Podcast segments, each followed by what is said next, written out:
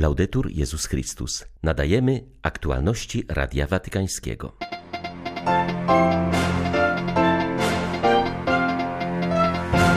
Z okazji dwusetnej rocznicy śmierci sługi Bożego Piusa VII, papieża czasów napoleońskich, Franciszek wskazuje na pokorę tej postaci i jej przykład bycia ambasadorem pokoju. Synod o synodalności przeszedł dziś do swojego kolejnego etapu poświęconego blokowi tematycznemu zatytułowanemu Współodpowiedzialni w misji. Polskie środowisko w Rzymie na różnorodny sposób obchodzi w tych dniach 45-lecie od wyboru Jana Pawła II na stolicę Piotrową. 13 października wita Państwa ksiądz Tomasz Matyka. Zapraszam na serwis informacyjny. Z okazji dwusetnej rocznicy śmierci sługi Bożego papieża Piusa VII Franciszek skierował list do biskupa diecezji Cezena Sarsina, skąd pochodził ten jego poprzednik na stolicy Piotrowej. Pomimo politycznego i społecznego zamieszania, które naznaczyło wiek XIX, z ufnością oddał się woli Bożej, przyjął upokorzenie wygnania z przykładną uległością, ofiarując wszystko Panu dla dobra Kościoła, podkreśla w liście Ojciec Święty. Czasy Piusa VII rzeczywiście były burzliwe, nade wszystko zaciążył nad nimi cienie Napoleona, który próbował na nowo ułożyć porządek w Europie. Chciał on włączyć również Kościół w swoje projekty. Najpierw udało mu się podpisać konkordat ze stolicą apostolską w 1801 roku, a następnie papież był obecny na jego koronacji cesarskiej trzy lata później. Potem jednak okazało się, że Napoleon nie znosi odmowy i ponieważ Pius VII nie był uległy, wojsko francuskie w 1809 roku zajęło państwo kościelne, a papież musiał udać się na wygnanie. W tym kontekście Franciszek podkreśla, że nie możemy nie zauważyć wielkiej mądrości, z jaką Pius VII był w stanie stać się ambasadorem pokoju wobec tych, którzy sprawowali władzę doczesną. Dodaje, iż w chwili chaosu politycznego Pius VII ze spokojem zrodzonym z ufności wobec opatrzności Bożej zrobił wszystko, co w jego mocy, aby nie zawieść w swojej misji stróża i przewodnika trzody i pomimo nałożonych ograniczeń kontynuował bez lęku głoszenie pocieszającej mocy Ewangelii Chrystusa zgodnie z duchem błogosławieństw, które nazywają czyniących pokój dziećmi bożymi. Na zakończenie listu Ojciec Święty poleca, aby wierni diecezji Czesena Sarsina upowszechniali historię Piusa VII, tak aby poprzez nią mogła zostać wzbudzona gorliwość do służby bliźniemu. Rozpoczął się nowy etap synodu synodalności. Odtąd jest on poświęcony kolejnemu blokowi tematycznemu współodpowiedzialni w misji. Dzisiejszy dzień rozpoczął się jednak od dramatycznego wezwania do skruchy i nawrócenia. Wystosował je podczas porannej Eucharystii sprawowanej przy grobie świętego Piotra kardynał Fridolin Ambongo.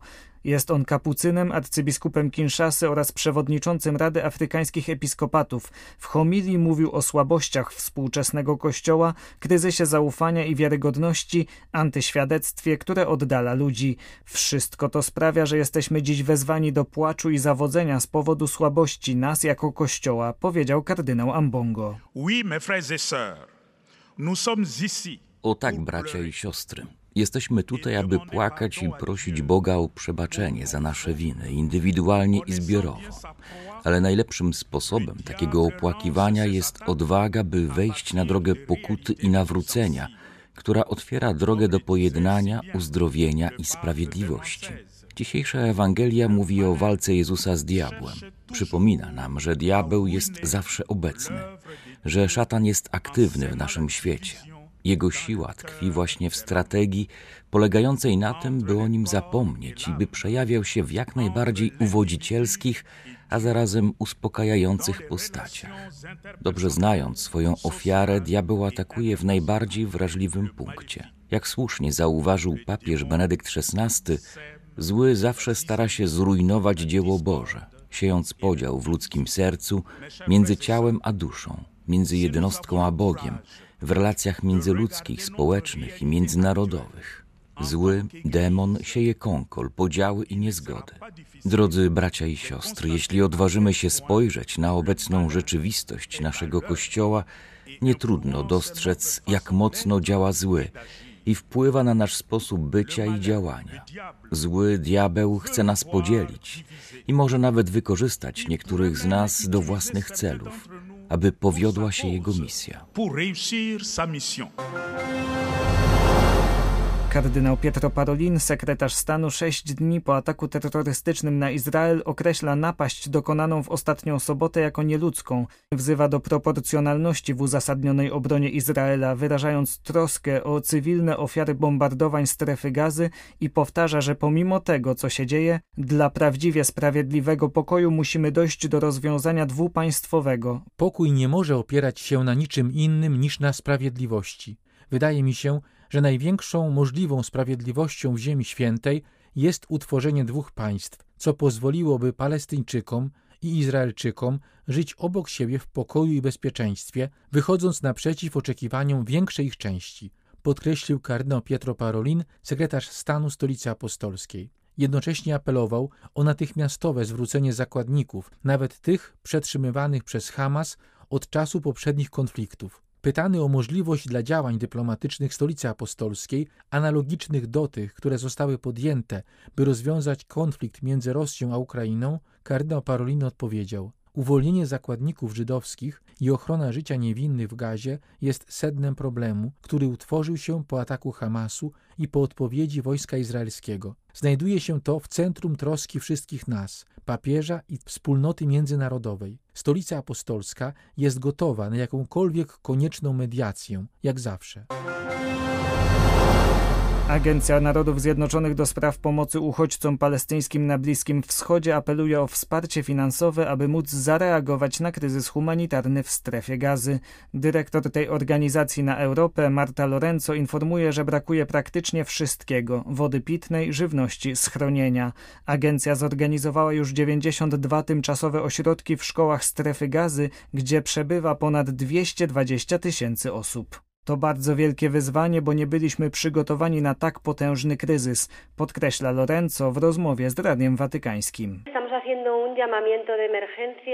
Zaapelowaliśmy o pilne udzielenie wsparcia finansowego, aby zaspokoić te najbardziej podstawowe potrzeby, ale przede wszystkim potrzebujemy otwarcia dostępu dla pomocy humanitarnej, otwarcia przejść granicznych, abyśmy mogli sprowadzić do strefy gazy żywność, wodę, paliwo i je dystrybuować. Prosimy o 104 miliony dolarów, aby zaspokoić podstawowe potrzeby. Trzeba zrozumieć, że zanim zaczął się ten kryzys, ludzie w Gazie byli już bardzo biedni, w trudnej sytuacji.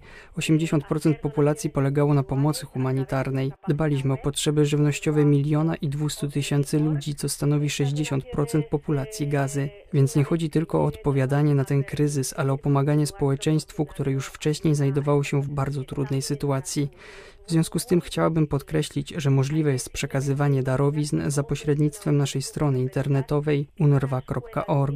Te darowizny, kiedy dotrą, pozwolą nam kontynuować dostarczanie pomocy tym ludziom, którzy żyją w bardzo trudnych warunkach. Wystarczy sobie wyobrazić, jak wyglądają obecne tymczasowe ośrodki. Pomyśleć, że szkoła w jeden dzień zamienia się w ośrodek, zapełnia się mieszkańcami, brakuje choćby łazienek, tak więc choć finanse, o które apelujemy, nie mogą zmniejszyć cierpienia psychicznego, to przynajmniej mogą przyczynić się do zaspokojenia podstawowych potrzeb. To naprawdę była czystka etniczna, wskazuje młoda adwokat i specjalistka od praw człowieka Krystyna Petrosian, mówiąc o upadku Górskiego Karabachu na przełomie września i października. Przewodnicząca organizacji pozarządowej Kultura Prawna udziela pomocy uchodźcom, którzy dostali się do Armenii. Uciekła tam zdecydowana większość ze 120 tysięcy mieszkańców regionu, który znalazł się pod kontrolą Azerbejdżanu. Wciąż mają nadzieję na powrót, choć wiedzą, że to mało prawdopodobne, zaznacza kobieta. Um, ich stan psychiczny jest straszny, okropny. Kiedy idę na przykład do ich domów, gdzie teraz przebywają i próbują udzielić im pomocy, dać trochę jedzenia, ubrań, widzę ludzi, którzy przybyli tu tylko z jedną parą butów, ponieważ byli atakowani, ostrzeliwani i nawet nie próbowali brać nic na zmianę, nie mieli na to czasu. Uciekali w wielkim pośpiechu, gdyż ich napadnięto. Wiele osób nie mogło zabrać ze sobą dyplomów czy zaświadczeń, że gdzieś pracowali. Dlatego teraz bardzo trudno jest im udowodnić swoje na przykład dziesięcioletnie doświadczenie zawodowe lub wykształcenie. To nie tylko biedni ludzie, którzy pozostawali bezrobotni przez długi czas. Mają obecnie bardzo złe warunki życia. Pomagam rodzinie wysoko postawionych niegdyś lekarzy. Ich dzieci studiowały. Chodzi tutaj o bardzo wysoki poziom wykształcenia oraz życia w Górskim Karabachu. Ale teraz nie mają nic i są zawstydzeni, zdezorientowani, bardzo nieszczęśliwi, mają depresję.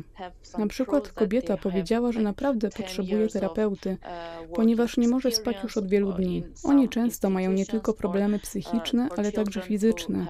Czasem widać w napotkanych osobach, gdy się z nimi rozmawia, że zbiera im się na płacz.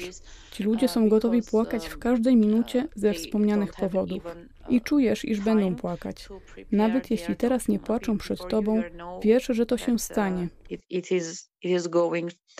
Pośród słabej nadziei, iż otrzymają pomoc, Ormianie, którzy uciekli z gódzkiego Karabachu, odczuwają mnóstwo strachu, zaznacza ponadto Kristina Petrosjan.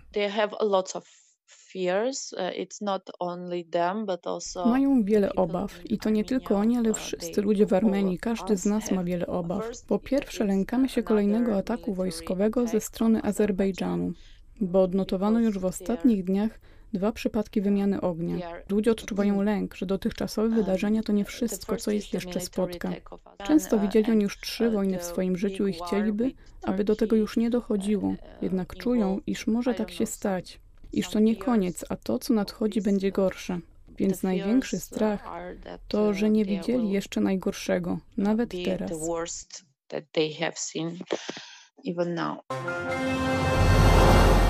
Obchody 45-lecia wyboru świętego Jana Pawła II w Rzymie służą skoncentrowaniu się na wymiarze polskości i kultury polskiej, kultury chrześcijańskiej i tego wszystkiego, co leżało na sercu Janowi Pawłowi II, powiedział ksiądz Paweł Ptasznik, rektor kościoła pod wezwaniem świętego Stanisława, odpowiedzialny za duszpasterstwo Polaków w Rzymie oraz przewodniczący Rady Administracyjnej Fundacji Jana Pawła II. Okazja do tego, żeby zmobilizować środowisko polskie w Rzymie do wracania pamięcią do tamtego czasu, do tego pontyfikatu, do dzieła Jana Pawła II w różnych wymiarach. Nie tylko w wymiarze religijnym, ale również w wymiarze kultury i dziejów naszego świata. Dlatego też pomyśleliśmy, żeby te dni zorganizować w ten sposób, żeby właśnie te wszystkie wymiary jakoś w nich się mieściły. Program obchodów 45-lecia wyboru świętego Jana Pawła II w Rzymie jest bardzo bogaty i różnorodny. Trwają one od wczoraj do 22 października i wypełniają je wydarzenia religijne oraz kulturalne. Abemus papam! Jan Paweł II do Polaków w pierwszych dniach pontyfikatu. Umiłowani moi rodacy, Piszę te słowa do Was, ukochani bracia i siostry, w momencie niezwykłym i nieoczekiwanym.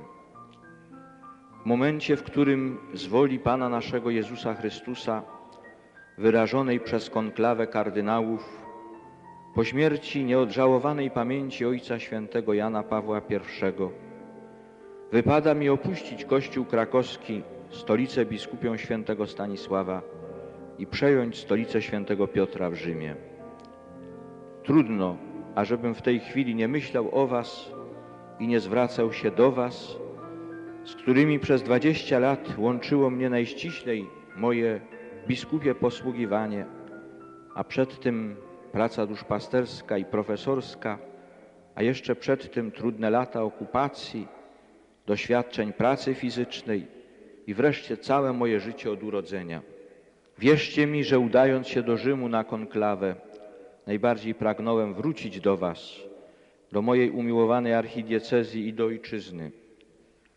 Skoro jednak inna była wola Chrystusa Pana, zostaję i podejmuję to nowe posłannictwo, które mi wyznaczył.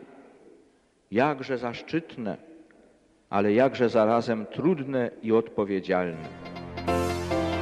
Były to aktualności Radia Watykańskiego. Laudetur Jezus Chrystus.